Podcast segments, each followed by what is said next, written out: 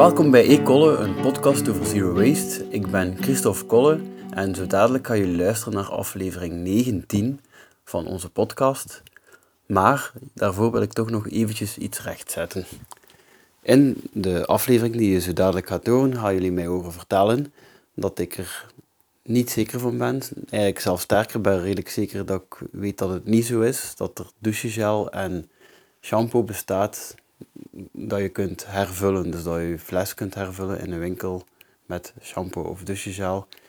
Nu, ik ben er binnen de dagen dat ik nu aan het monteren ben, erachter gekomen dat dat wel bestaat. Ik heb er namelijk in de Oden van Gent gezien. Daar kun je je eigen fles gaan vullen met shampoo of met douchegel. Dus bij deze heb ik dat recht gezet. Dat bestaat dus wel. Veel luisterplezier. Zero waste koken moet makkelijk kunnen, toch?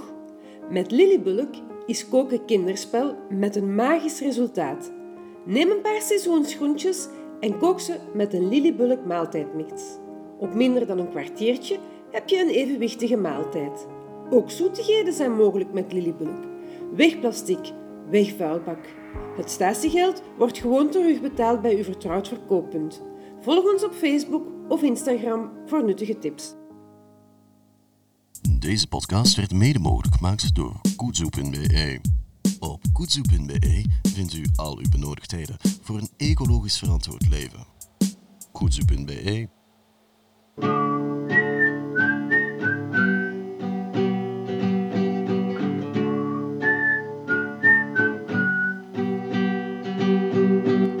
Welkom bij E-Kolle. Een podcast over zero waste. Ik ben Veerle Kolle. En ik ben Christophe Kolle en vandaag is het een vloeibare aflevering.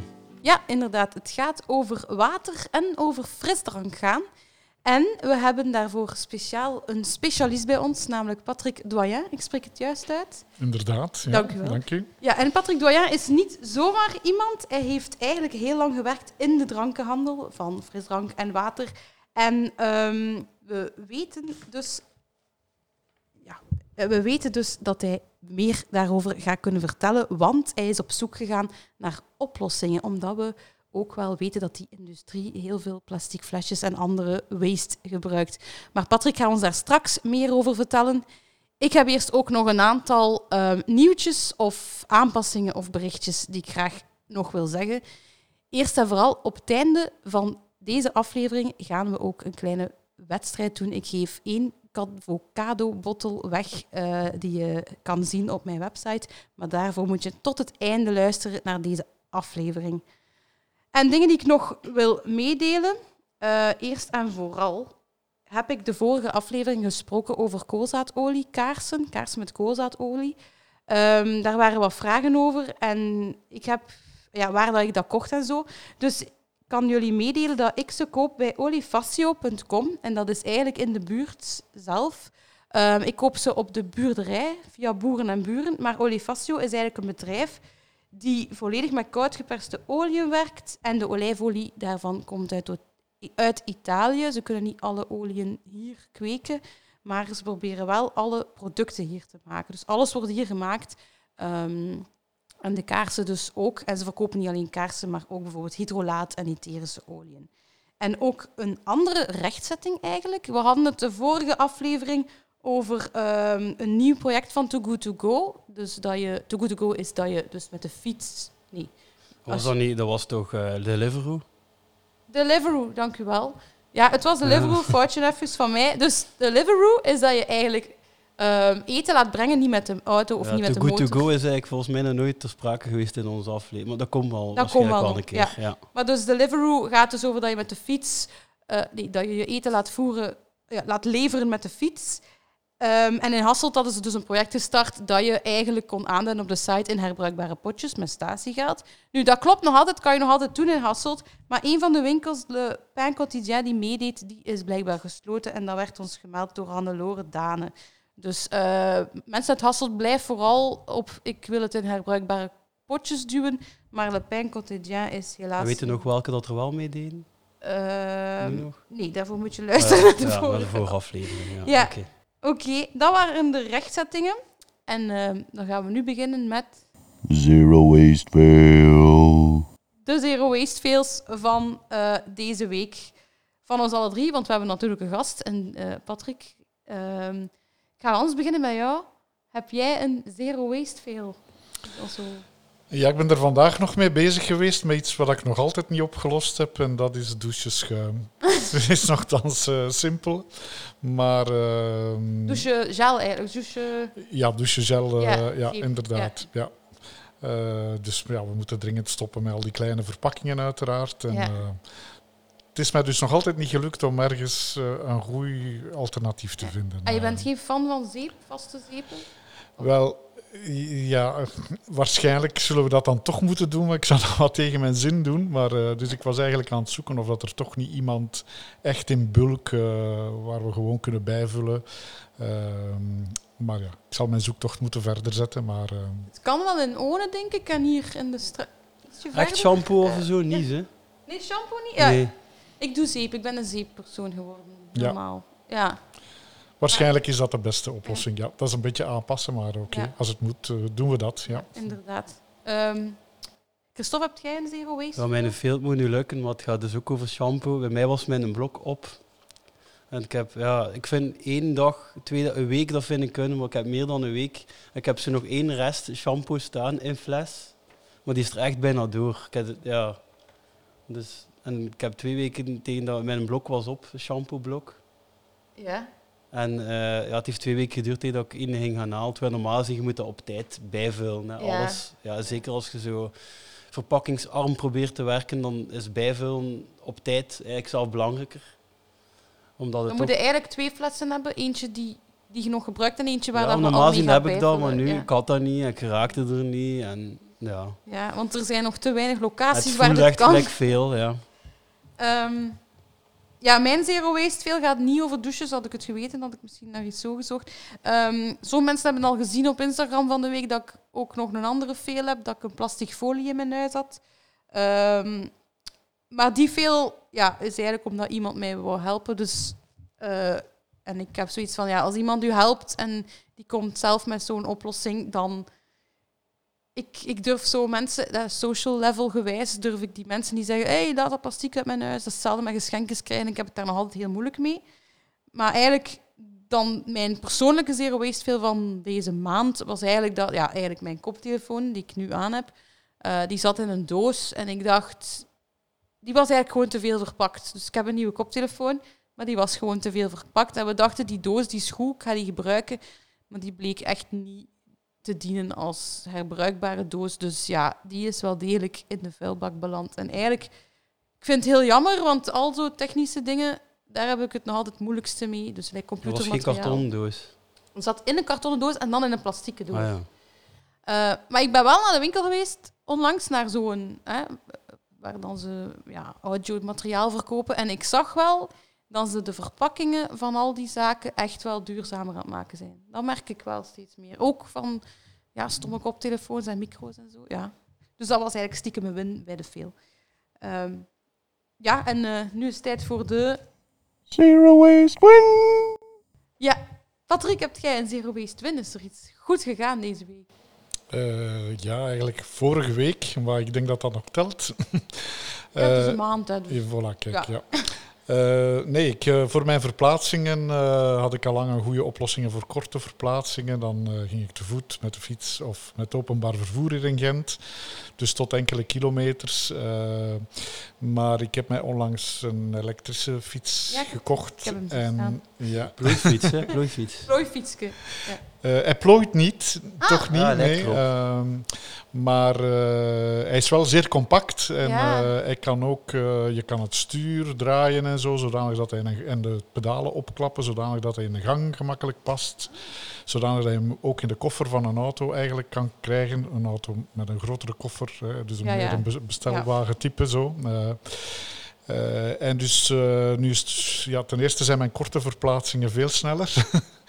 maar eh, ook kan ik alle verplaatsingen meer tot 10, 15 kilometer gemakkelijk met de fiets doen Ja. zonder afgepeigerd of helemaal bezweet aan te komen. Dus ja, het is ook gewoon genieten om erop te rijden, om buiten te zijn en een mooi pad uit te kiezen en zo naar je bestemming te rijden. Cool, cool. Ja, want fietsen, als, ja, dat motiveert wel, denk ik, zeker als er zo wat een steuntje achter zit, stiekem.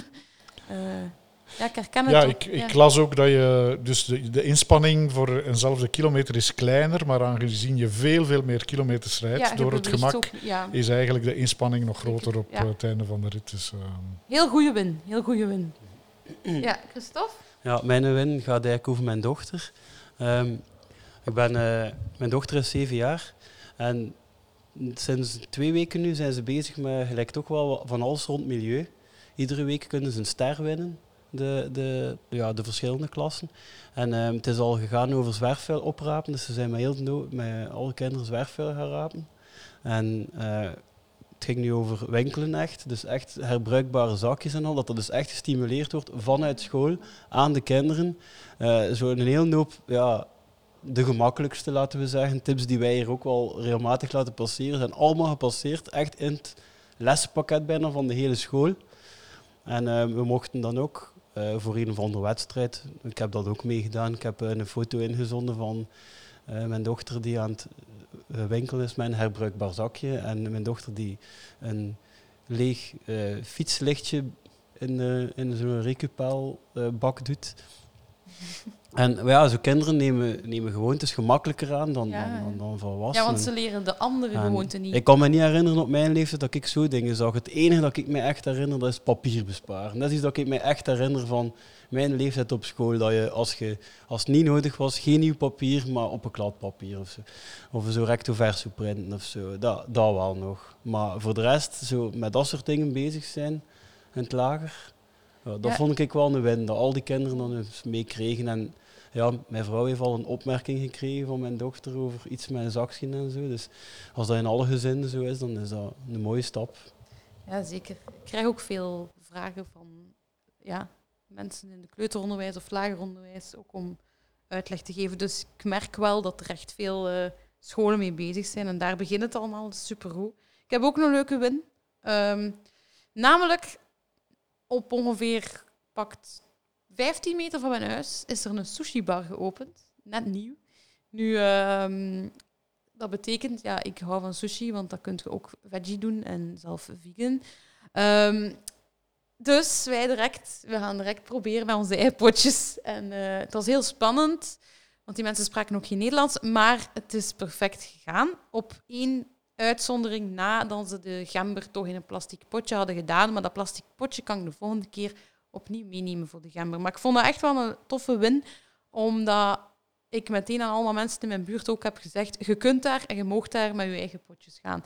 Dus, dus ik hoop dat ik nu niet meer de enige ben die daar geweest is. Met haar eigen potjes, ja. Voilà, dus dat was eh, mijn win. Maar ik denk dus dat we volgende week... ik kan mij zo precies niet houden van iets kritisch te zeggen Zeg op iets wat daar net gepasseerd is, als dat mag. Ja, En tuurlijk. Dat gaat over zwerfvuil opruimen. Hè. Uiteraard eh, willen we allemaal dat onze buurt eh, er proper bij ligt. En, eh, dus het is moeilijk om daar kritisch over te zijn.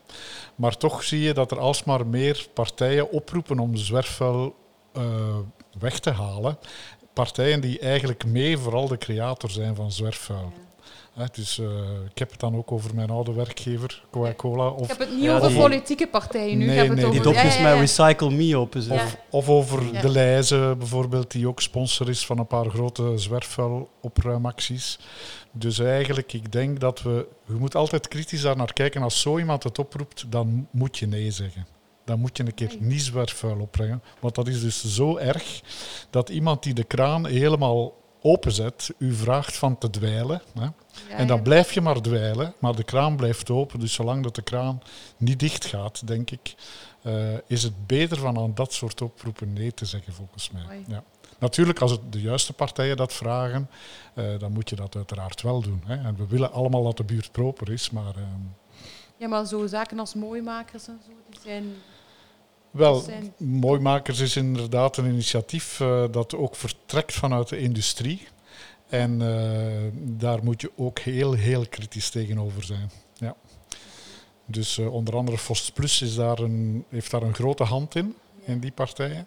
En dat zijn natuurlijk, Fost Plus is eigenlijk de, een vereniging die, die eigenlijk de hele drankenindustrie vertegenwoordigt, die dus verantwoordelijk is voor die gigantische plastic oceaan die op ons afkomt en dan ons beleefd komt vragen dat we het zelf opruimen. Dus uh, daar zou ik nee op zeggen. Oké, okay. amai, wij leren hierbij. Oké, okay, daarmee zetten we eigenlijk direct in het onderwerp. Want we hebben het over kranen, we hebben het over water, we hebben het over plastic. Ja. Um, maar Patrick, ik heb u daarnet een beetje voorgesteld al, maar ik stel voor dat we nog een beetje meer over u te weten komen nu. Um, welk werk heb je eigenlijk vroeger gedaan? Wat was jouw beroep? En, ja. ja. het is.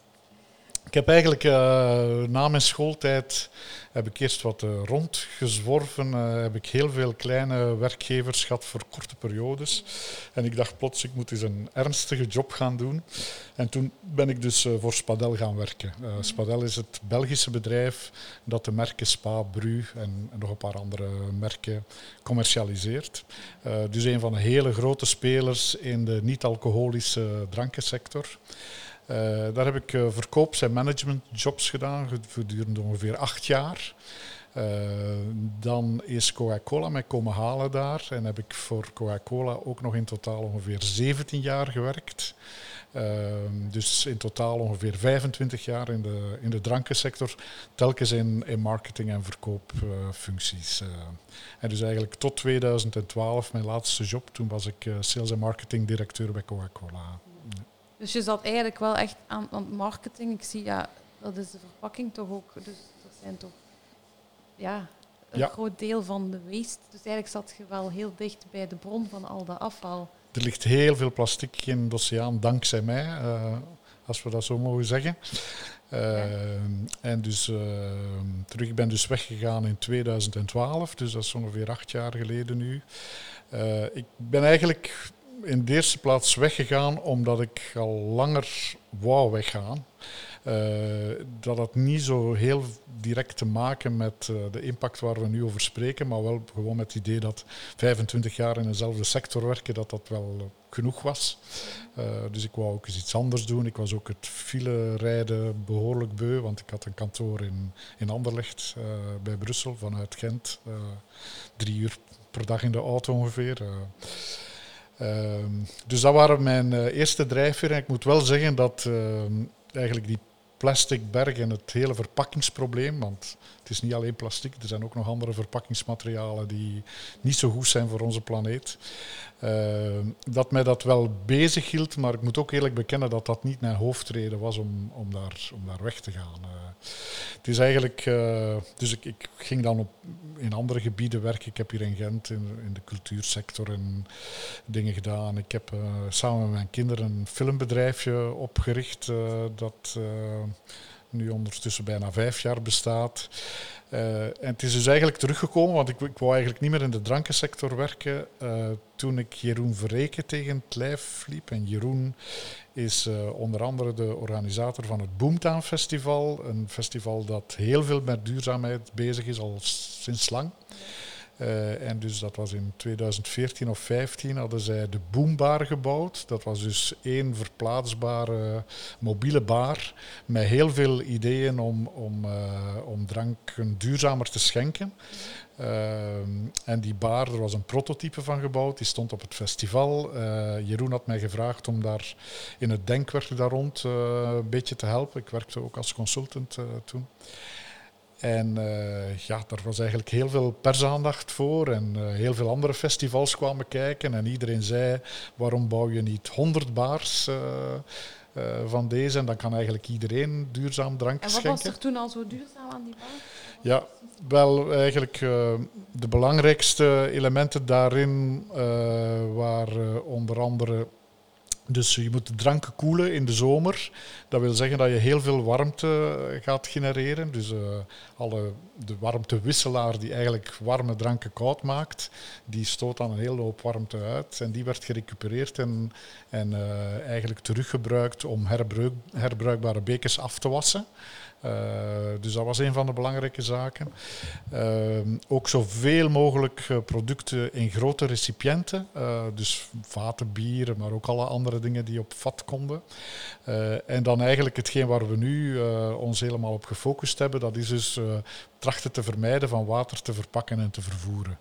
En dan kom je dus bij de drankencategorieën frisdranken en water. Ja, Voor water is het evident, hè. er is ja. Overal al water, dus gebruik het water eh, dat je ter plaatse vindt. Kraantjeswater, maar soms ook nog ander water. Ja. Eh, op een aantal festivals doen we telkens zo wat eh, demonstraties.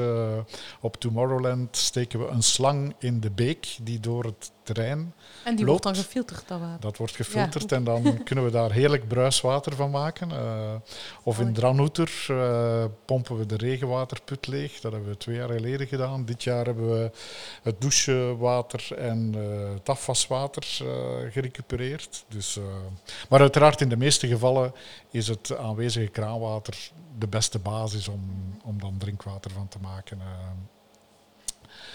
Eh. Zo, dat is een beetje het verhaal. En dus eigenlijk, we, we dachten, gaan we nu inderdaad 100 baars maken. Dat waren prototypes, er was ook heel veel mis mee. Dat is zo met een prototype.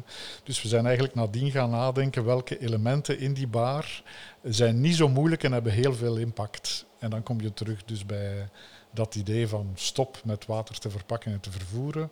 Want misschien even voor de mensen die dat niet doorzien in frisdranken. Frisdranken is een eenvoudige mix van siropen en water. Eh, dus het is eigenlijk heel gemakkelijk om enkel de siropen te vervoeren en die gewoon met water te mixen op de plaats waar je het consumeert. Ja. En zo kun je eigenlijk naar gelang de, de verhoudingen siroop-water 80, 90 procent van de verpakkingen en transport elimineren. Gewoon ja. door, door dat te doen. eh, ja. Want dat is ook het rare. Dat is ook een van mijn vragen die ik al had. Ik heb je zo horen vertellen dat je vroeger dat het vroeger op deze manier al was. Maar wat was Ja. Hoe komt het dan dat het toch nu in flessen weer zit? Dus als vroeger frisdrank siroop was die je thuis zelf maakte als frisdrank, hoe komt het dan dat nu frisdrank in plastic of in glazen flessen met statiegeld eventueel toch te koop is? Allee, dat is toch Ja. lastiger, denk ik. Ja, wel, je moet daar eigenlijk eh, heel ver voor teruggaan. Hè. Dus eh, als we even accepteren dat Coca-Cola zo wat de uitvinder is van de frisdranken. Eh, dus eh, die drank is uitgevonden echt veel meer dan 100 jaar geleden ondertussen. Eh, en het was eigenlijk ook een apotheker die een soort van siroop gemaakt had en dat ook ter plaatse in zijn apotheek dan eh, met water vermengde en eh, op de markt bracht. Dat was heel succesvol, dus er begonnen eigenlijk overal van die, ze noemden dat daar dan soda fountains, eh, hè, dus om, om die siroop te mengen met kraanwater ter plaatse, zo werd dat genoemd. Eh, en dat was succesvol, maar eh, enkele jaren later waren er slimme marketeers eh, eigenlijk aangetrokken door het bedrijf. En, en er waren ook een paar van die slimme marketeers die investeerden in dat bedrijf ook. En die zeiden, ja, je kan nog veel succesvoller zijn en nog veel meer verkopen als je dat niet met die moeilijke installatie doet, eh, waar je dan eigenlijk alleen maar ter plaatse dat kan drinken, maar dat je een mooie verpakking vindt die ook je merk nog beter communiceert eh, daarin. En gewoon dat overal waar je maar kan beschikbaar maakt. Hè? Want Ja. zo een, een, een machine zetten die dus die, die, ehm, die spuitwater maakt en die, eh, en die dat dus kan vermengen, de siroop met dat water, dat, is, ja, dat heb je maar op enkele plaatsen. Hè? Ja. Als je het verpakt, kan je het overal verkopen. Dat was eh, het hele idee daarachter. En zo is denk ik ook eh, wat voor een merk de verpakking kan betekenen, is ook op dat moment eigenlijk een beetje uitgevonden. Hè? Ja, dus Door iets heel mooi, heel specifiek eh, eh, te maken. De erkenbaarheid groeit daarmee. En dus zo is het eigenlijk allemaal begonnen. Toen der tijd bestond er geen plastic, dus al die flesjes waren in glas. Eh, dat was behoorlijk duur om dat te maken, dus ook al die flesjes kwamen allemaal terug, werden allemaal gespoeld en opnieuw gebruikt. Hè. Dat, is, eh, dat was toen logisch. Hè. Eh, Ja. het was zo waardevol, die verpakking, dat je dan nooit ging weggooien. Hè. Dus, en dan voor Coca-Cola is er eigenlijk, eh, voor de plastic is er nog een, eh, dus de eerste uitvinding in wegwerpverpakkingen is eigenlijk eh, Ja. metalen blikjes Ja. geweest. Dat was zeker nog 20, 30 jaar voordat de eerste plastic flessen op de markt kwamen. En dan zag je ook dat natuurlijk Coca-Cola in ongelooflijk veel markten, vooral als het ging om producten verkopen, zodat mensen dat konden meenemen. Hè, dan is natuurlijk een lichte verpakking, die ook minder plaats inneemt en zo, om te transporteren, is natuurlijk veel interessanter. Ja, en ze hebben ook de verpakking gebruikt voor een kenmerk, namelijk het geluid van het blikje dat open gaat, dat je daar dorst van krijgt. Allee, ja, dat is misschien niet het beeld, maar dat is, wel, dat is ook wel via de verpakking werken eh, op marketing. hè. Wel, Ja. die, die verpakking is voor marketeers eigenlijk het middel Ja. om, om en beter te communiceren over het merk, de ervaring beter te maken, het gebruiksgemak te verhogen, al dat soort eh, dingen. Dat is, eh, dat is een zeer belangrijke troef. En eh, natuurlijk, we hebben decennia en decennia. Eigenlijk heeft er niemand gekeken naar de impact van al die verpakkingen. Hè. Nee, want dat was al mijn maar- volgende vraag eigenlijk. Want inderdaad, je zit dan zodanig bezig met marketing en niet meer met milieu, denk ik. Is dat nu wel zo? Zijn er bedrijven, weet dat je daar al weg bent, maar zijn, zijn ze daar nu wel echt op aan het letten? Houden ze daar rekening mee? Hebben ze foto's gezien van de plastic soep en voelen ze zich schuldig, like u? Maar, Ja. ja? Wel, er zijn een paar positieve eh, Ah. tekenen toch daar. Een paar Ja. ook grote spelers die daar eh, die echt ook eh, met oplossingen bezig zijn. Maar wat eigenlijk wat, wat zeer pervers is in het hele verhaal, eh, dat is, en dat was eigenlijk wel een beetje de kern van mijn job bij Coca-Cola vroeger, dat is dat eigenlijk als je de verpakkingen kleiner maakt, en het gebruiksgemak verhoogt en de herkenbaarheid verhoogt. Denk dus eh, voor Coca-Cola aan dat kleine plastic flesje dat je op de festivals krijgt en zo. Dat je, je krijgt niet een anonieme beker, maar je krijgt echt de vorm en die verpakking in, in de hand. Dus dat verkoopt veel beter. En mensen zijn ook bereid van daar meer voor te betalen. Voor een kleine verpakking. Ook, eh, doe gerust een keer zelf die oefening. Als je naar de Colruyt gaat of naar de lijzen, doet er niet toe. De meeste prijsetiketten eh, vermelden niet alleen de prijs per stuk, maar ook de prijs per liter. Ja. Dus kijk eens naar een hele grote verpakking van 2 liter en kijk hoeveel dat kost per liter. En kijk dan naar een kleine verpakking en je gaat zien dat de, de, de meest extreme is ongeveer maal 3. Kost dat. Dus je betaalt Amai. tussen een euro en 3 euro per liter naar gelang de verpakking die je kiest. Hè. Eh, dan moet je weten dat die verpakkingen op zich die zijn niet zo heel duur. Hè. Eh, die zijn, een kleine verpakking is natuurlijk duurder voor die fabrikant, maar slechts enkele procenten duurder. Dus als je dat dan drie keer zo duur kan verkopen en het kost maar iets meer, dan wil dat zeggen dat je Win, daar win, win. gigantisch veel meer op Ja. verdient. Dus niet een beetje Ja. meer op verdient, maar gigantisch veel meer op verdient. En zo is eigenlijk de hele industrie ondertussen verslaafd geworden aan de grote winsten die zitten op kleine verpakkingen. Ja. Dat is echt Dus een kern van het probleem. Allee, daarvan terugstappen. Wel, als ze dat zouden doen, dan stort hun winst in elkaar. Ja. En aangezien dat dat beursgenoteerde bedrijven zijn die morgen gaan moeten vertellen, ja sorry, we gaan ecologischer worden, we gaan duurzamer worden, maar Oh, onze ja. winst gaat teruggebracht worden tot 80% van het jaar tevoren, dan wil niemand nog investeren. Dan loopt iedereen weg. Dus je zit daar natuurlijk helemaal gevangen in eh, eigenlijk het verhaal. Dus ik herhaal nog eens, dat is de kern van mijn job was ook vooral om consumptie te brengen van grote verpakkingen naar kleinere verpakkingen. Daarmee de winsten stegen massaal Ja. daardoor. Eh, maar nu, ja, als je nu teruggaat, dan zit je terug in de situatie van 30 jaar geleden. Een beursgenoteerd bedrijf kan zich dat denk ik alleen permitteren als het door de markt geforceerd wordt om dat te doen. ja, als er wetten En- komen, echt. die- Wel, de markt zijn natuurlijk in de eerste plaats de consumenten. Ja. Dus als de consumenten allemaal gelijkertijd zouden zeggen we moeten die kleine verpakkingen niet meer hebben, of ze zouden zeggen aan Coca-Cola we willen nu plastic niet, maar we willen alleen uw siroop. Als iedereen dat zou zeggen, dan zullen zij dat ook doen. Iedereen, allee, kom. Alleen, Ja. alleen, ja, dat is ons nog niet gelukt tot vandaag, hè, om eh, consumenten zo diep laten na te denken en om een hele groep, grote groep mensen Ja. mee te krijgen in die verandering. eh, omdat natuurlijk de marketing van die, van die bedrijven is zo sterk. Er wordt zo gigantisch veel geld eh, geïnvesteerd in de consument bespelen. Ook nu bijvoorbeeld door de hele industrie zit, zit nu te focussen op recyclage. Hè. Dus ja, like, Zolang we maar in de juiste zak Ja. alles steken, Ja. dan komt alles goed. Het komt helemaal niet goed met recyclage. Want eh, als je echt gaat kijken, ten eerste hoe slecht die recyclagemachine werkt op dit moment, hoe weinig er maar gerecycleerd wordt. Ja. Maar bovendien mocht alles gerecycleerd worden, dus ook die verpakkingen zijn niet oneindig recycleerbaar. Er is altijd een hoop verlies daarin. En natuurlijk de hele, alle energie en transport die nodig is om al die verpakkingen terug te brengen. Dat wordt dan gerecycleerd op plaatsen die soms mijlen ver van hier eh, liggen. Dus dat is uiteraard geen oplossing. Zeker niet voor een product waarvan je gemakkelijk kan vermijden om het te verpakken en het te vervoeren. Dat Ja, is, eh, inderdaad. Ja, en Coca-Cola doet dat dan om zich goed te praten. Zet hij dan nu op de topjes van de flesje, flesjes, recycle me of zo.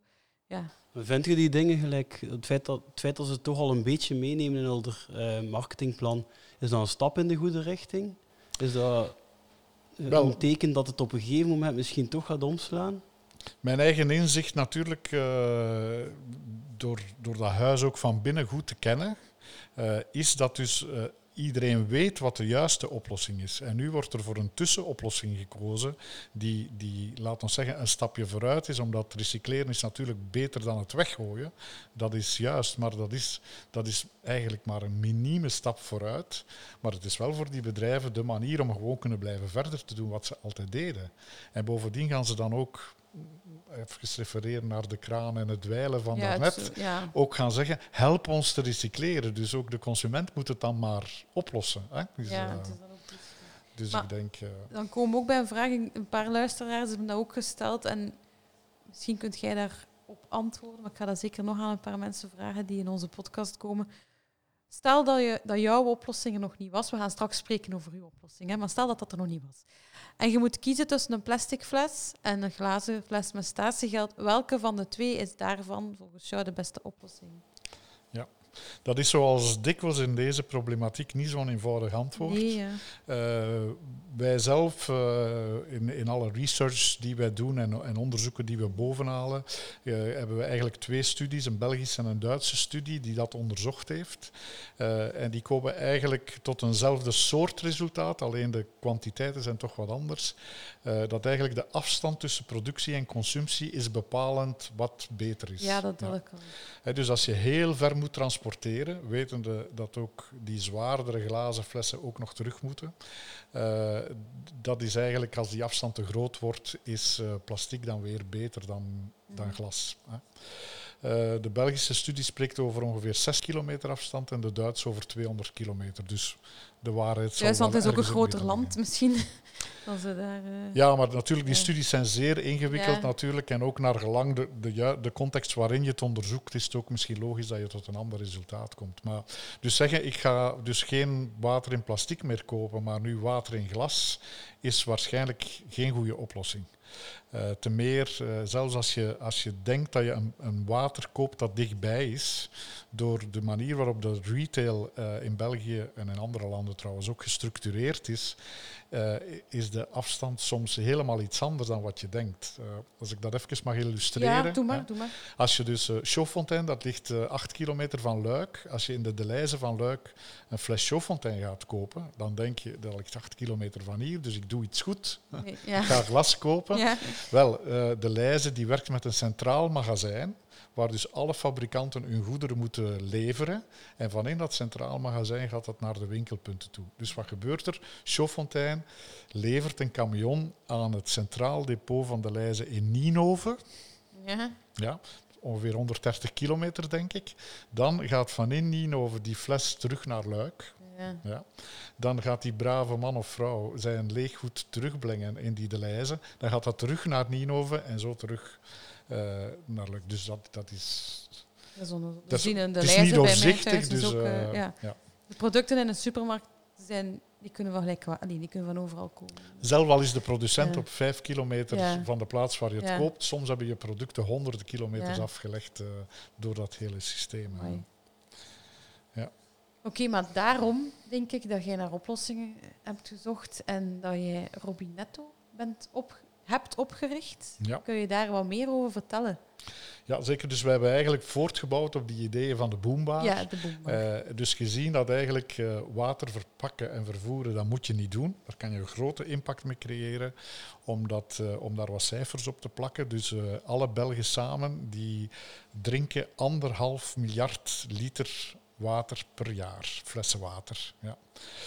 Ook nog ongeveer hetzelfde volume frisdranken. Dus 3 miljard liter die verpakt worden in ongeveer tenminste toch 4 miljard verpakkingen. Ja. Uh, en eigenlijk kan je heel die berg, 4 miljard verpakkingen, bijna de hele berg kan je elimineren als je dus stopt met dat te vervoeren. En dus uh, Robinetto is dus een, het is een sociale onderneming. Het is een coöperatieve ook, uh, waar heel wat Belgische festivals in mee geïnvesteerd hebben. Uh, en dus we proberen het volgende doel te bereiken. En ik leg je ook nog even uit hoe we daartoe gekomen zijn.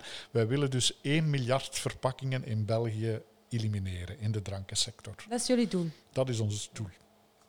1 miljard is een heel groot getal. Ja, ja, ja. ja. En hoeveel zit al? Of, uh... Wel, uh, daar gaan we binnenkort ook over communiceren. Ja. Het is trouwens onze bedoeling van uh, in onze tellers ook allemaal live, in onze tabs, sorry, echt live tellers te stoppen, zodanig dat we de impact ook gewoon uh, live kunnen meten en ook uh, tonen. Uh, daar zijn we dus nog heel wat research voor aan het doen. Want het is niet zo eenvoudig om dat op een betaalbare manier te doen. we kunnen het al ondertussen, maar we zoeken nu naar oplossingen om dat echt betaalbaar te krijgen ook. Ehm, maar ik leg toch even uit hoe dat we komen tot dat cijfer. Dus die anderhalf miljard liter die de Belgen drinken, dat is dus ongeveer 135 liter per Belg per jaar. De Nederlanders drinken 25 liter flessen water per Nederlander per jaar. Ah. Meer dan 100 liter verschil. Dus die drink, ja, die drinken echt veel meer uh, Die drinken kraanwater, ja. ja. absoluut. En heeft er iets mee te maken dat die in hun geschiedenis al gewoon veel minder marketing hebben of gehad? zijn ze gewoon gieriger? Dat kan ook, hè? Wel, om dat uit te leggen, ten eerste, ik denk dat niemand het precies kan, maar het is uiteraard ook een complex probleem, omdat uh, wat er eigenlijk ik vind het gemakkelijkst om uit te leggen waarom drinken de Belgen zoveel en de Nederlanders zo weinig in plaats van het omgekeerde. Dus uh, ten eerste, flessenwater is eigenlijk in België uitgevonden. Spa deed al water in flessen in het jaar 1600, denk ik, of zoiets. Uh, in kruiken was dat toen waarschijnlijk. Uh, maar ook de Belgen zijn eigenlijk heel vlug gevallen voor het idee om, dus meer uit flessen gaan te drinken. Uh, we veronderstellen ook dat dat vooral was omdat er toch negatieve perceptie was over de kwaliteit van leidingwater. We spreken nu ook vooral over 20, 30 jaar geleden, toen dat eigenlijk allemaal begonnen is. Um, en uh, natuurlijk, als een, als een speler die flessenwater verkoopt, ziet dat dat in een land echt grip krijgt, dan is dat natuurlijk de plaats waar je veel gaat investeren. Dus ook uh, Nestlé, Danone, Coca-Cola, Spa uh, en nog een hele hoop kleine plaatselijke mineraal- en bronwaterfabrikanten, die zijn dus massaal in marketing gaan investeren, allemaal de schoonste verhaaltjes gaan ophangen over uh, hoe fantastisch dat, dat wel is. Uh, uh, flessenwater. en iedereen herinnert zich nog wel de baby's van Evian of, oh, de, of, de, of de bevertjes van Chaudfontaine ja. of dat soort dingen.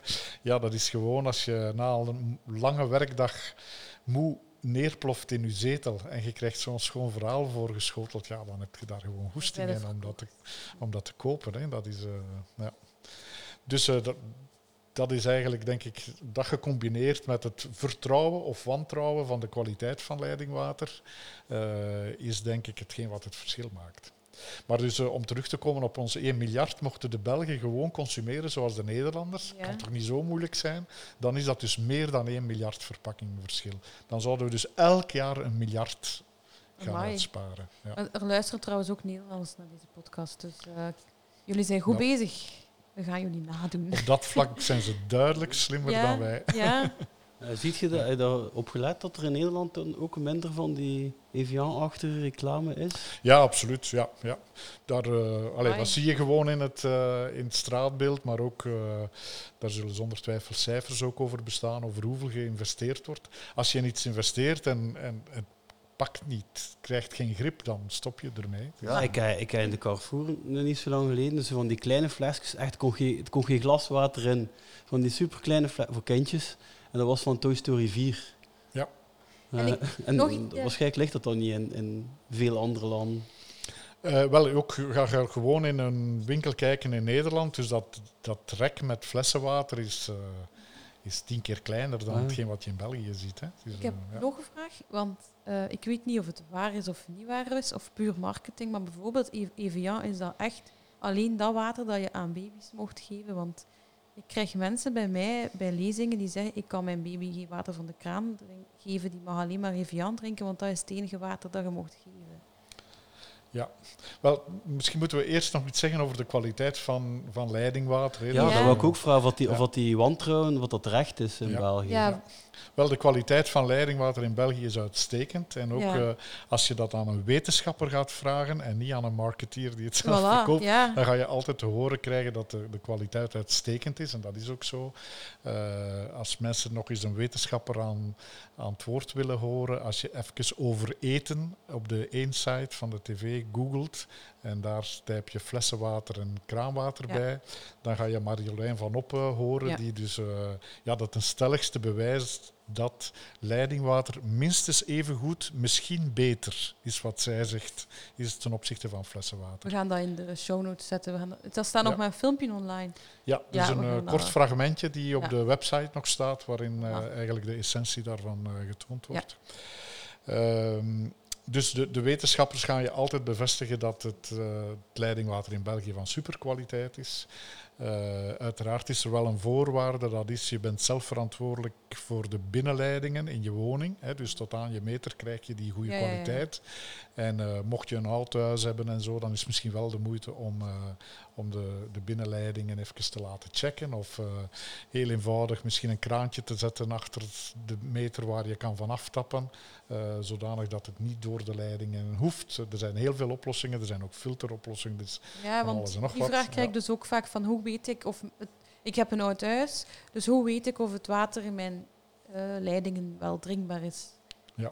Wel, ten eerste kan je aan je watermaatschappij vragen om het te laten testen. Ja. Eh, dat, dat is een mogelijkheid.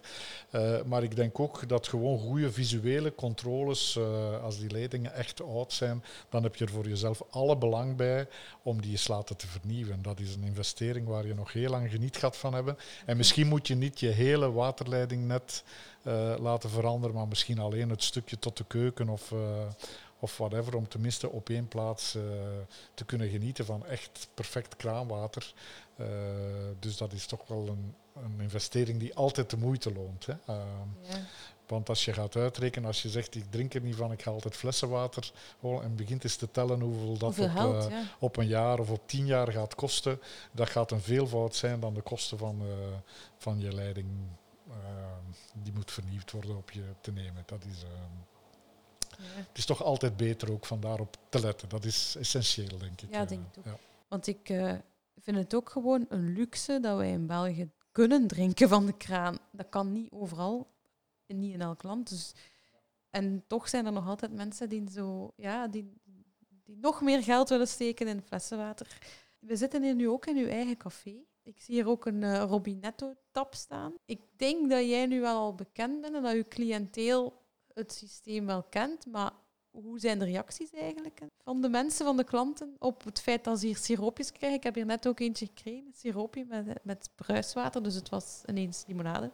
Ja, die reacties zijn zeer goed. eh, en eigenlijk, eh, wat, wat je vooral ziet, dat is dat de, de klassieke frisdranken die je in veel andere cafés krijgt op dit moment, zijn natuurlijk dezelfde frisdranken die je ook op je werk krijgt, of op school krijgt, of in de supermarkt vindt, en zo verder. Dus zo, zeker voor een horecazaak die een alternatief aanbod heeft, die iets anders biedt. En wat spannende smaakcombinaties, zoals we hier ook hebben, eh gember met citroengras, of de, de mate ginseng, of... eh, zeer populair, die heb ik nu niet meer, was eh, mandarijn met chili van een eh Zottegemse siroopmaker. Dat mensen daar zeer enthousiast over worden van eindelijk een keer iets anders te drinken. Eh, en, trouwens, we- een interessante, eh, echte kwantitatieve test is eigenlijk het Boomtown Festival, waar Coca-Cola nog altijd sponsor is trouwens. Ja, waar we dus eigenlijk al verschillende jaren Coca-Cola aanbieden naast die gember citroengras die we hier ook in het café hebben. Maar het resultaat is dat er meer gember besteld wordt dan Coca-Cola op zo'n festival. Ja. Kun je dat van Coca-Cola ook? Krijg je dan ook siropen en zo? Wel, eh, ja, dat is inderdaad een interessante vraag. heeft de Dus- McDo niet die... Ik dacht dat de McDo met siropen werkt. inderdaad, ja. Dat is mij een keer gezegd geweest. En alleen de McDo en voor de rest doet Pepsi dat. Maar dat, dat weet ik niet zeker. Ik heb dat gehoord. Ja, ten eerste, eh, dus eh, inderdaad, al die frisdrankenproducenten die hebben ook machines die gewoon Die het kunnen, kunnen, doen hè? wat wij, Ja, wat ja, wij nu aan ze het doen kunnen zijn. het hè. dus, Ja, hè. ja, dus, eh, ze hebben het uitgevonden en, en ze hebben een know-how daarover die zeer groot is. Nog veel groter dan de onze, zonder twijfel. En toch doen ze het niet. En dan komen we dus terug bij dat verhaal eigenlijk dat grote verpakkingen, en dus die siropenverpakkingen met kraanwater moet je zien als de grootst mogelijke verpakking. Hè. Coca-Cola verkoopt dat dus bijvoorbeeld in een doos van 10 liter siroop. Eh, dus daar, daar, eh, daar kan je dan 60, 70 liter eh, product mee maken, zoiets. Hè. Dus dat is de allergrootste verpakking waar je uiteraard het minst op verdient. Hè. Dus, eh, Ja. en waar je ook natuurlijk helemaal die ervaring mist van een verpakking aan je klant, aan je consument te geven. Hè. Dus in de McDonald's zal je waarschijnlijk een kartonnen beker krijgen daarin, Ja, ja, ja. waar er vooral McDonald's Het is op wel al staat. lang geleden dat ik daar geweest ben, maar ik herinner mij dat. Daar staat misschien nog in het klein dan ergens Coca-Cola op, maar dus dat communiceert het merk niet Nee, goed. dat is inderdaad. Tegenover in de meeste cafés waar je nu een Coca-Cola bestelt, dan krijg je zo'n 20 centiliter glazen flesje. Ja. Dat communiceert veel beter, dat ziet er fantastisch uit. Eh, dat, is, dat is geweldig. Dus ze verkopen veel liever uiteraard die kleine verpakkingen in plaats van Allee. die grote. En het zijn dus nog enkele geprivilegeerde klanten die dan, eh, omdat het niet anders kan, toch nog die siroopmachines hebben. En in België gaat je dat dus vinden bij McDonald's, bij de Kinepolis, Ah ja, de Kinepolis. Ehm, bij Ja. Burger King, die onlangs in België neergestreken is. Ehm, is en echt hier en daar nog op plaatsen waar het eh, debiet soms heel, heel groot is. eh, Sportpaleis bijvoorbeeld. ehm, dat soort zaken. Amai. Ja. Ehm, voordat we naar de vragen van de luisteraars gaan, heb ik toch nog een vraagje. ehm, die misschien ja, gewoon... Die toont hoe onwetend ik misschien ben, maar het water van de kraan... Dat komt toch ook ergens van een bepaalde bron of zo? Of, want gelijk dat je zei, de- dat kan even goed een rivier zijn op een festival. Als ik ik bij mij thuis water uit de kraan drink, van waar komt dat? Ja. ja. Wel, dat kan, eh, dat kan van, eh, van veel bronnen. eh, en denk dan bij bron niet iets dat uit de grond komt nee, daarvoor. nee, hè, maar, geen ergens- bronwater uit de ja, grotten van Han of zo. Ergens een herkomst, ja. hè, dat kan ook oppervlaktewater zijn eh, die daarvoor gebruikt wordt. En dat is eigenlijk, eh, dus België is wel een redelijk kluwe van verschillende watermaatschappijen die allemaal een bepaald gebied bedienen. Ja. Eh, trouwens, als je daar meer wil over weten, eh, dan kan je best eigenlijk surfen naar Aqua Flanders. Ehm, Komt in de show notes. Ja. dat is dus, Aqua Flanders is eigenlijk de koepel van de Vlaamse watermaatschappijen. Ja, ja. Dus daar kan je ook je postnummer in geven. En zo Ah. kom je te weten wie eigenlijk je waterleverancier is. Eh, meestal zijn er ook gewoon links dan die je doorverwijzen. Omdat op de website van je waterleverancier kan je ook veel meer informatie vinden over dat water. Bijvoorbeeld de samenstelling ervan, eh, de kwaliteitscontroles die uitgevoerd worden en zo verder. Dus eh, op hun sites is heel veel informatie te vinden.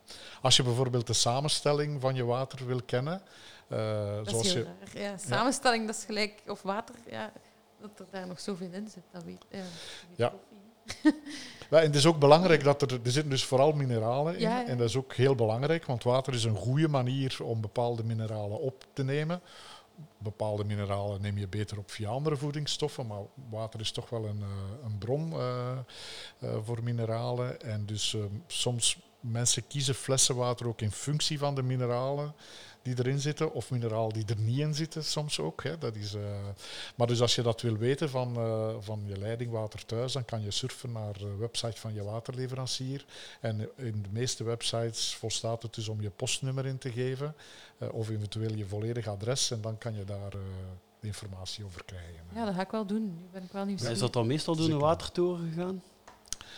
Eh, ja, watertorens Ja, worden heel dikwijls Ja. gebruikt om eigenlijk buffers te bouwen, zodanig dat als het waterverbruik plots stijgt, dat de druk op het water blijft en dat iedereen gewoon eh, comfortabel kan blijven Ja. water uit zijn kraan halen. Hè. Ja. Eh, ja, wij, hebben, we zijn opgegroeid vlak bij de watertoren. Dus eh, we hadden heel veel druk op de kraan. ja, nee, niet opgelet. Maar eh, we hebben nog wat luisteraarsvragen, Christophe. Ja. Ja. Wacht eens. Ivo de Wespelaar vraagt op Facebook: Wat zijn de voor- en nadelen van de SodaStream en kies je best voor de glazen flessen of de plastic flessen? als je van bruisend water houdt eh, en je wilt bruisend water op een klein volume hebben, Ja. eigenlijk, voor gewoon thuisgebruik, eh, dan is SodaStream uiteraard een goede oplossing. Hè. Ja. Eh, je kent het bedrijf wel goed. En Absoluut, ja. Ze zijn Ja. ook eigenlijk, we zijn een impactonderneming, dus ook iedereen die eigenlijk aan dezelfde impact eh, Mhm. mee aan het bouwen Ja, is, daar, hebben we, daar proberen we goede relaties mee aan te knopen.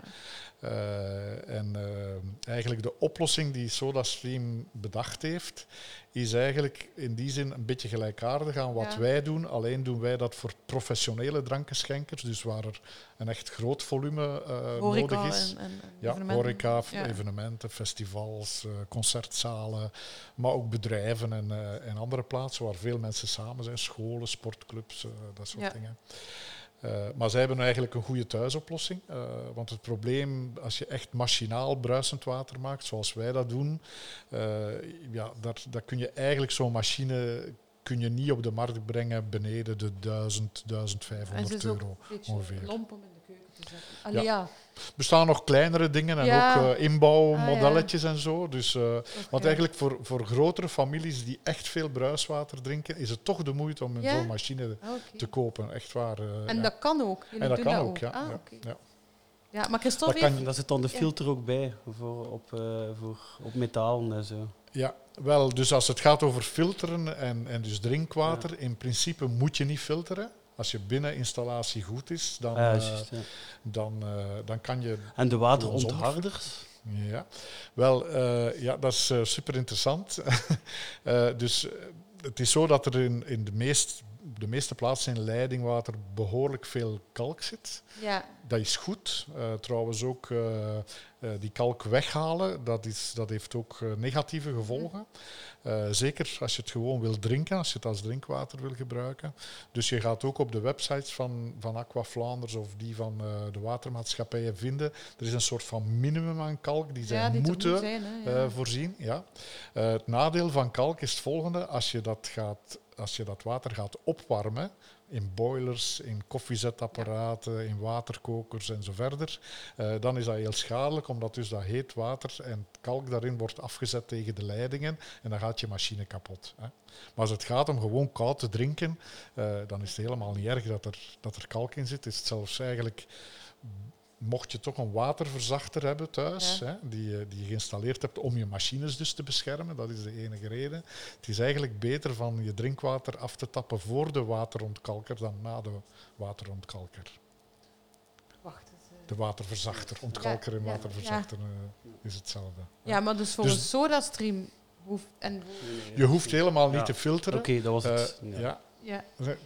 Het is telkens weer complexer dan ja, het Ja. wordt heel... Ja. Want, dachten. Ik had het wel al een keer gehoord. Maar dus, dus komt- mensen verwarren soms een beetje. Ja, ik, een waterverzachter is goed. Ja, dat is goed om je machines te beschermen. Ja, maar dat die gaat niet zozeer om je maken, lichaam. Maar dat gaat niet Ja. over, je, eh, over Ja, want- dr- drinken. Ja, want de waterkoker ziet er wel vanaf, maar zo dingen like wasmachine en vaatwasser, daarvoor geeft dat niet, of wel? Is dat, Ja, ja kun- toch wel. Die Dus kunnen ook last elk van- apparaat die, die Ja. water tot een hoge temperatuur brengt. En Ja. hoe hoger de temperatuur, hoe erger dat Ja, effect. dat is gelijk als je in de waterkoker ziet je ook, Ja, voilà. als je daar even gebruikt, het kalken, dan kun je duur dat heb je een witte zijn, maar- laag daarin. Ja, ja, maar dat- dus dat doet, doet die ontkalker eh, voor Ja. de machines dan. Ja, maar dat gaat totaal niet over je lichaam. Nee, nee, Voilà. totaal En niet. denk ja. dat dat en dat soms- is, er zijn veel verwarringen Ja, over. Hè. Ja. ja. Mensen Ah, denken aan zacht water, ook zacht, dat klinkt goed. Zacht water is beter om te drinken, maar dat is helemaal niet zo. Nee. En te zacht water is zelfs helemaal niet goed om... En wat denk je dan van Brita-filmen? Fil- Filters? Brita-filters? Wacht, moet ik eerst even over de, de SodaStream? Ah ja, we, of z- dat we gaan wel... Ja, want Christophe heeft Ja, een SodaStream Ik heb een. SodaStream, ik heb Ja. de, de kleinste, degene die niet op elektriciteit werkt. En die heeft ook geen... eh, dat kan ook niet volledig, de fles kan er niet volledig in. En blijkbaar zijn glazen flessen alleen maar te krijgen bij de machines waar dat je er een omhulsel kunt ronddoen, omdat anders een klein gevaar is dat dat glas springt. Eh, dus ja, in verband met glazen flessen kan ik niet spreken. Ik heb er dus inderdaad wel een drietal plastic flessen bij. En die verslijten dus wel, zeker als je dat veel gebruikt. Eh, ik kan wel zeggen, eh, dat is voor ons, want wij dronken platwater van de kraan, maar kochten spuitwaterflessen. En ik ben er dus, ja, ik heb dat direct gemerkt aan mijn PMD. Ja, Dat ik, eh, ik was nogthans de enige in huis die spuitwater dronk. Ehm, Ik heb dat gemerkt aan boodschappen doen in het algemeen, want ik moest in één keer nooit meer iets echt zwaar kopen. Ja. Dat was eigenlijk Dus dan raar. kon je Ja, ook met de fiets gaan. Ja, ja, Ja. alle boodschappen waren eventueel mogelijk Ja. zijn dat we echt grote boodschappen doen, maar zo niet stuk dat, dat veel weegt. Samen met het feit dat we nu een patattenboer achter de, achter de noek hebben. We, er is niets echt zwaar meer dat wij moeten gaan kopen. Ehm, dus ja, dat is ook een voordeel. Eh, ik kan zeker zeggen dat dat, ja, dat je spaart daarmee uit. En dat is goed. En die glazen flessen zijn denk ik beter, maar dat is gewoon... Ja, ik denk, stel dat je toch maar met één of twee spuitwaterdrinkers zijt, ja, dan zoek ik toch voor die kleinste gaan. Ja, dus dat, dat voldoet. En je moet je fles... Ja, ik ga dat om de drie maand. En ik mag mijn oude fles, die leeg is, die gasfles, binnenbrengen. En ehm, ja, we hebben daar geen afval van. Hè. Ja. En die, ja, die flessen beginnen wel af te zien. Ik pak ze ook af en toe mee. Dus, ja. Ik weet het niet heel precies, maar ik denk ook dat de glazen fles een beetje langer meegaat. ja, waarschijnlijk. Eh, ja. ja. Maar ik denk Eh. dan voor kinderen bijvoorbeeld, ja, glas kunnen niet meenemen naar school of zo. Dus Ja. Dan gaat het misschien niet langer meegaan, dus het hangt Ja. er ook daarvan een Ja. beetje af. Je kan eventueel wel ook overgieten. terug Uiteraard, natuurlijk, ja, dat ik om, daar nog eh, niet aan ja. dacht. Eh, maar ik heb ook nog wat gelezen over die eh SodaStream. Ik heb dat thuis niet, omdat wij gewoon geen spuitwater... Ja, sorry, we drinken geen spuitwater. Dus niet. we hebben het al een paar keer over gehad, maar ik had zoiets van, ja, pff, dat gaat te veel kosten voor, eh, voor, voor we het gaan gebruiken. Ja, wel als je ook limonadekes en zo maakt. Hè. Eh, met, ja, maar ja, dat, dat, Met de siroopjes of met vlier, vlierbloesem dingen en al. Ja, dat is niet echt... Ja, dat is ook... Maar er is misschien nog wel iets interessants te zeggen over SodaStream ook, omdat eh, ik zei daarnet dat eh, sommige grote spelers in de drankensector dat er toch wel al lichtpuntjes zijn. Eh, dus ik weet niet of je dat gehoord hebt, maar dus Pepsi Cola heeft Mhm. SodaStream overgekocht. Oei. Ongeveer, is ondertussen al bijna twee Ah. jaar geleden. En zijn daar nu fors aan het uitbouwen daarin. Dus die zijn daar zwaar op. in- Pepsi-Cola. Ah Ja, ja, dat is niet. Coca-Cola, dus dat is Nee. daarom dat wij dat nog niet echt zien in België. Wat bedoel je? Ah, wat omdat hier cola is hier toch veel populairder dan Pepsi, of ja, ja, zie ik ja, dat zeker. nu? Nee, nee, nee, dat is zo. Ja, ik denk dat. Coca-Cola minstens zes, zeven keer groter is dan Pepsi-Cola hier. Eh, Ja. Eh, maar dus eh, even, als je, als je het over de hele wereld bekijkt ook, dus eh, Pepsi-Cola heeft een project dat heet Beyond the Bottle, kan je ook even googlen. En dat is eigenlijk de verzameling van al hun initiatieven om eigenlijk hetzelfde proberen te doen als wat Robinetto doet. Dat is dus stoppen met water verpakken en vervoeren. Amai. Dus eh, hun belangrijkste activiteit is die over. Dus je had SodaStream, een bedrijf die dat al deed. Dus ze hebben dat gekocht ja. en bouwen dat nu verder uit. Eh, maar er staan ook op die site, kan je zien, nog een paar andere initiatieven die je nog niet in België ziet. Om dus eigenlijk proberen van frisdranken te verkopen aan de mensen zonder dat je het water ermee met verkoopt. Ja. Dus siropen, ook, er is ook een systeem met een soort capsules, pa- pastilles meer. ja, ik denk dat ik dat al Dus, gezien eh, heb. ja. Maar niet, niet van Pepsi, maar ook inderdaad andere dingen die inspelen op... Ja, dat is dikwijls ook onder een andere Ja. merknaam dat dat, dat ah, dan zij doen dat. Ja. Ah, dan is het misschien dat ik al Ja, verkopen ze dan ondertussen ook al Pepsi-Cola siroop? Wel, daar zijn ze dus mee begonnen. Ah, ja. Want ik eh, een beetje de sector ken, had gedacht, daar gaan ze nog zo lang mogelijk mee wachten, om toch ook hun eigen business Ja. niet te beschadigen. Maar ondertussen heb je dus in Scandinavië, Duitsland en Frankrijk, kan je dus kleine flesjes siroop Pepsi kopen. En ook eh, een paar van hun andere merken die ze er eh, nog naast hebben, 7-Up, dat soort dingen zijn ook van, 7-Up. van Pepsi. En dus eh, de, de baas van SodaStream Benelux heeft mij bevestigd dat de Benelux het volgende land is waar ze dat gaan lanceren. Dus binnenkort ga je gewoon thuis je Pepsi kunnen maken of je 7-Up eh, kunnen maken als je een SodaStream machine En dan laat iedereen Coca-Cola links liggen. Wel, dat, ik vrees dat dat niet zal gebeuren. maar eh, het zal toch wel een, een echte stap in de goede richting. Dat is Binnen een mijn stap. eh, vrienden en kennissenkring zijn zo soda-streams echt wel aan het boomen in de keukens. Ja, bij ons ik ook. begin, ik begin ze echt meer en meer te zien staan. Ja, ik ook. En duidelijk nieuwer dan de mijne al. Dus.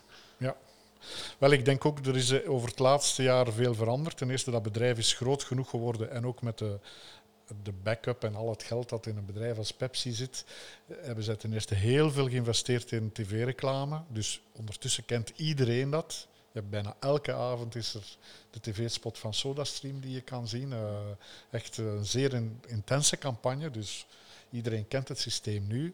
Maar je ziet ook dat de, om, om zo'n machine te gaan halen of ook om eh, dus je CO2-bonbon Ja. te gaan wisselen.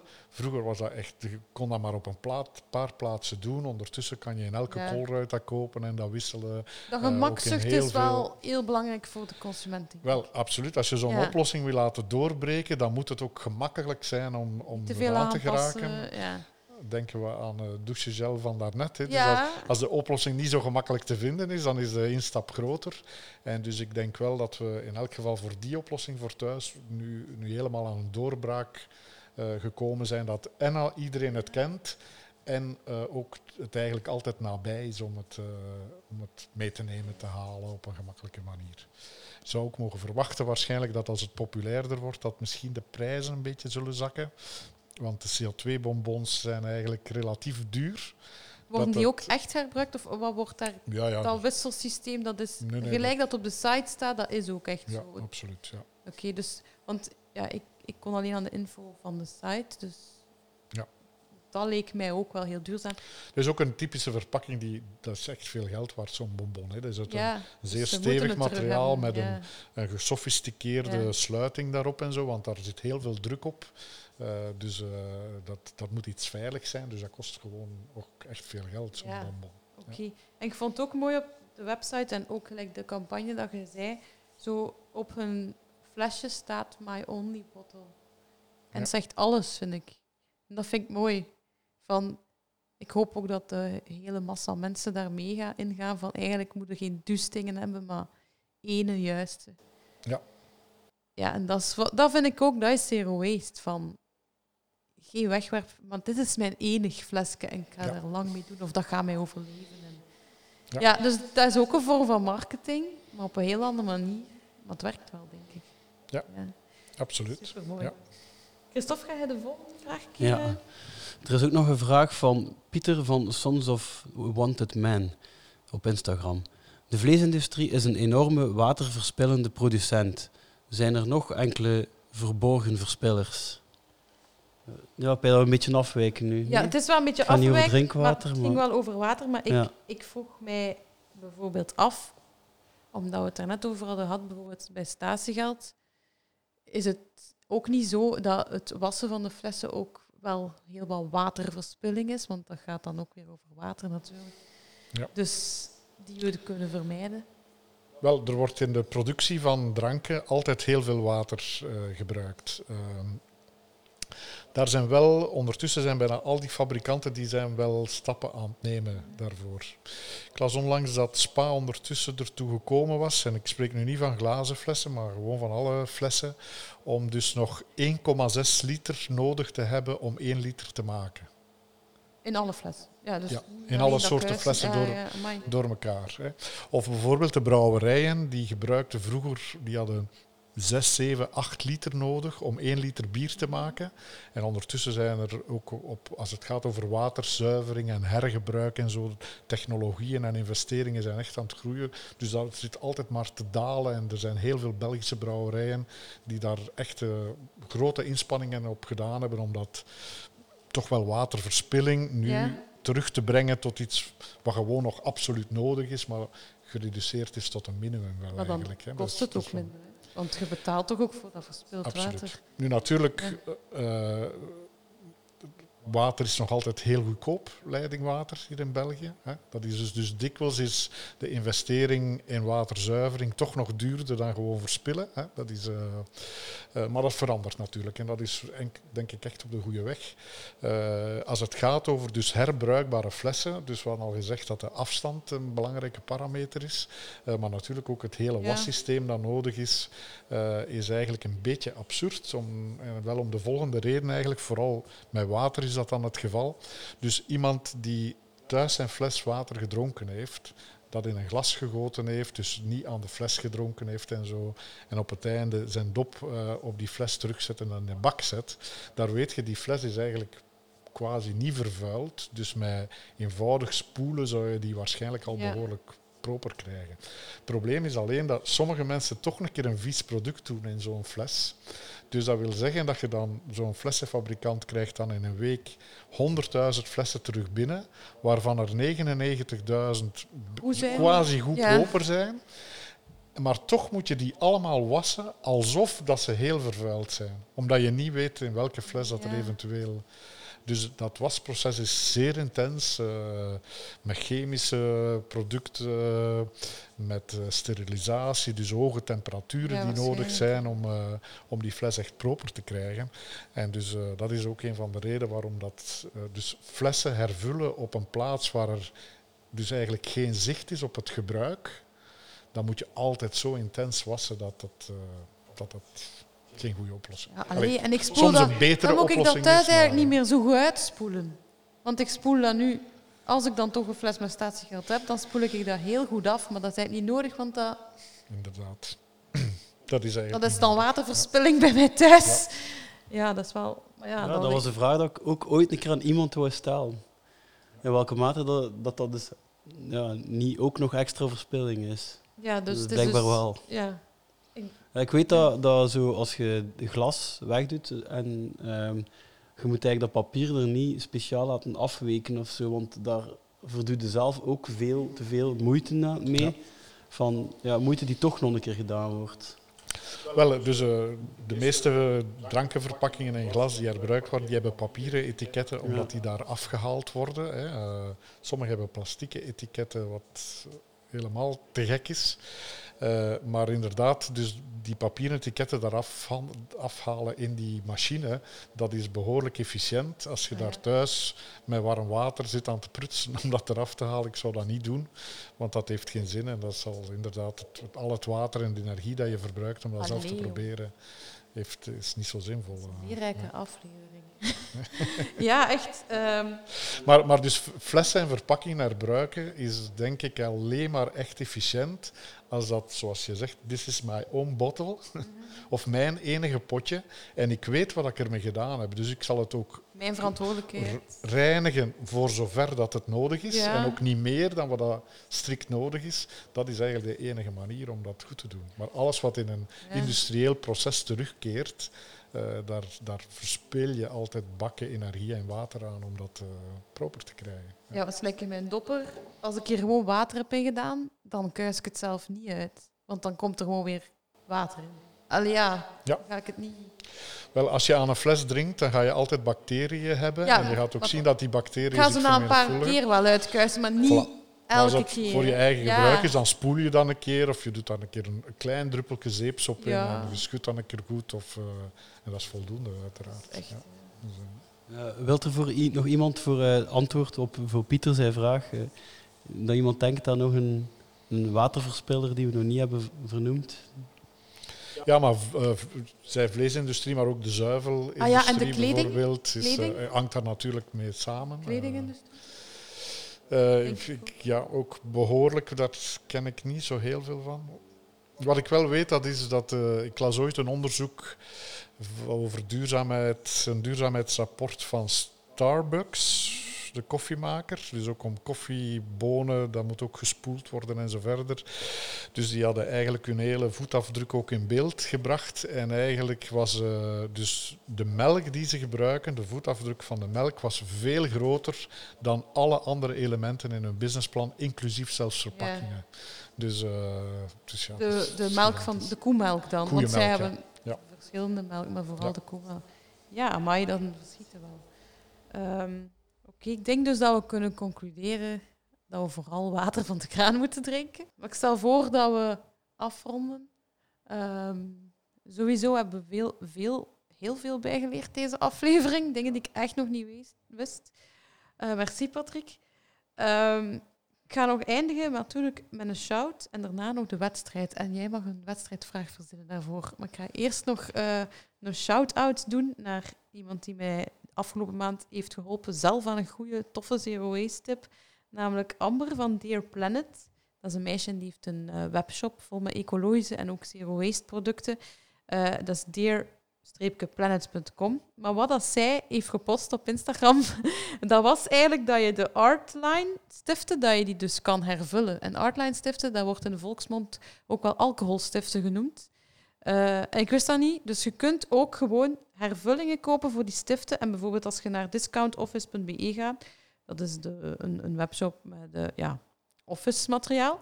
En dan tik je bijvoorbeeld in navelinkt voor permanent marker, dan kan je dat gewoon vinden. Dus ik vond dat iets dat ik zelf nog niet wist. Dat is maar een klein dingetje. Maar eh, ja, dat is weer een toffe tip. Dus dank u wel, eh, Amber van Dear Planet. En doe zo verder met je toffe webshop. Ze is ook te vinden op Instagram als underscore Dear Planet. Ja, en gewoon uh, ja, er volgen. En goed, ik ga dus een avocado bottle nog weggeven. Daar kunt je dus water in doen. Hè? Bijvoorbeeld water van de kraan. Liefst water van de kraan. En die uh, is te koop op mijn website, maar omdat deze aflevering over water gaat en dranken en My Only Bottle, geef ik er eentje weg. En uh, ja, je moet gewoon een antwoord op de vraag die Patrick, Patrick gaat stellen mailen naar uh. Heb je al een vraag? Want je hebt van allerlei cijfers genoemd of zo. Misschien moet je daar iets uit... Uh, quizvraag. Ja, een quizvraag. Mag het iets zijn dat ik al verklapt heb? Het moet iets zijn ja. dat in de aflevering is gezegd geweest. Ja. Dat zou tof zijn. Dat, dat, ja, want. Wel, dan zou mijn vraag zijn: ja. hoeveel liter flessenwater drinken alle Belgen samen in één jaar tijd? Uh, dat is een zeer goede vraag. Ik ga ook de aflevering nog je moeten naar beluisteren. Maar dus als je het antwoord weet op hoeveel liter flessen water drinken de Belgen allemaal samen per jaar? Per jaar, ja. Dan mag je dat mailen naar veerle veerlekolle.be of um, je mag het ook via Instagram zeggen of via Facebook. Uh, Eender waar, maar de oh, eerste... Is gewoon de eerste? Ja, ja de eerste, waar dat ja, de eerste, eerste die antwoordt, die ja, krijgt okay. het... Uh, ja, ja, het overal fles. staan er tijdscodes bij, dus je kunt er wat checken wie dat er eerst was. Ja, ik zie... Ja, inderdaad, maar ja... Ah ja, omdat als het via verschillende... Kan... Ja, ik ga dat checken, mensen. Dat is Ja, zeker de eerste persoon die mij op eender welk kanaal antwoordt. Dat mag zelf op de Soundcloud of op Ze mogen nu bellen. Ja, ze mogen mij ook bellen. Nee, neem ik niet veel op. Maar goed, die, eh, ja, die krijgt de Cadvocado bottle cadeau. Oké, dank u wel, Patrick, om te komen. Jullie bedankt. Ja, of dat wij naar u mochten komen, want we zitten in het café in Prinsenhof, of in Gent eigenlijk, West. Hè, West of We Oast al, we Gaans. hebben al een keer mogen proeven van de tap. Ja, het is echt te doen. We gaan even reclame maken. Maar als je een keer goed wilt proeven hoe dat Robinetto smaakt, dan kunt je hier naartoe komen. Welke dagen? Op vrijdag en zaterdag. Voilà. Ja. Het is hier zeer gezellig. Echt. En het is daar een mooie plant. Oké, dank u wel ook om te luisteren allemaal. En tot de volgende. Yo!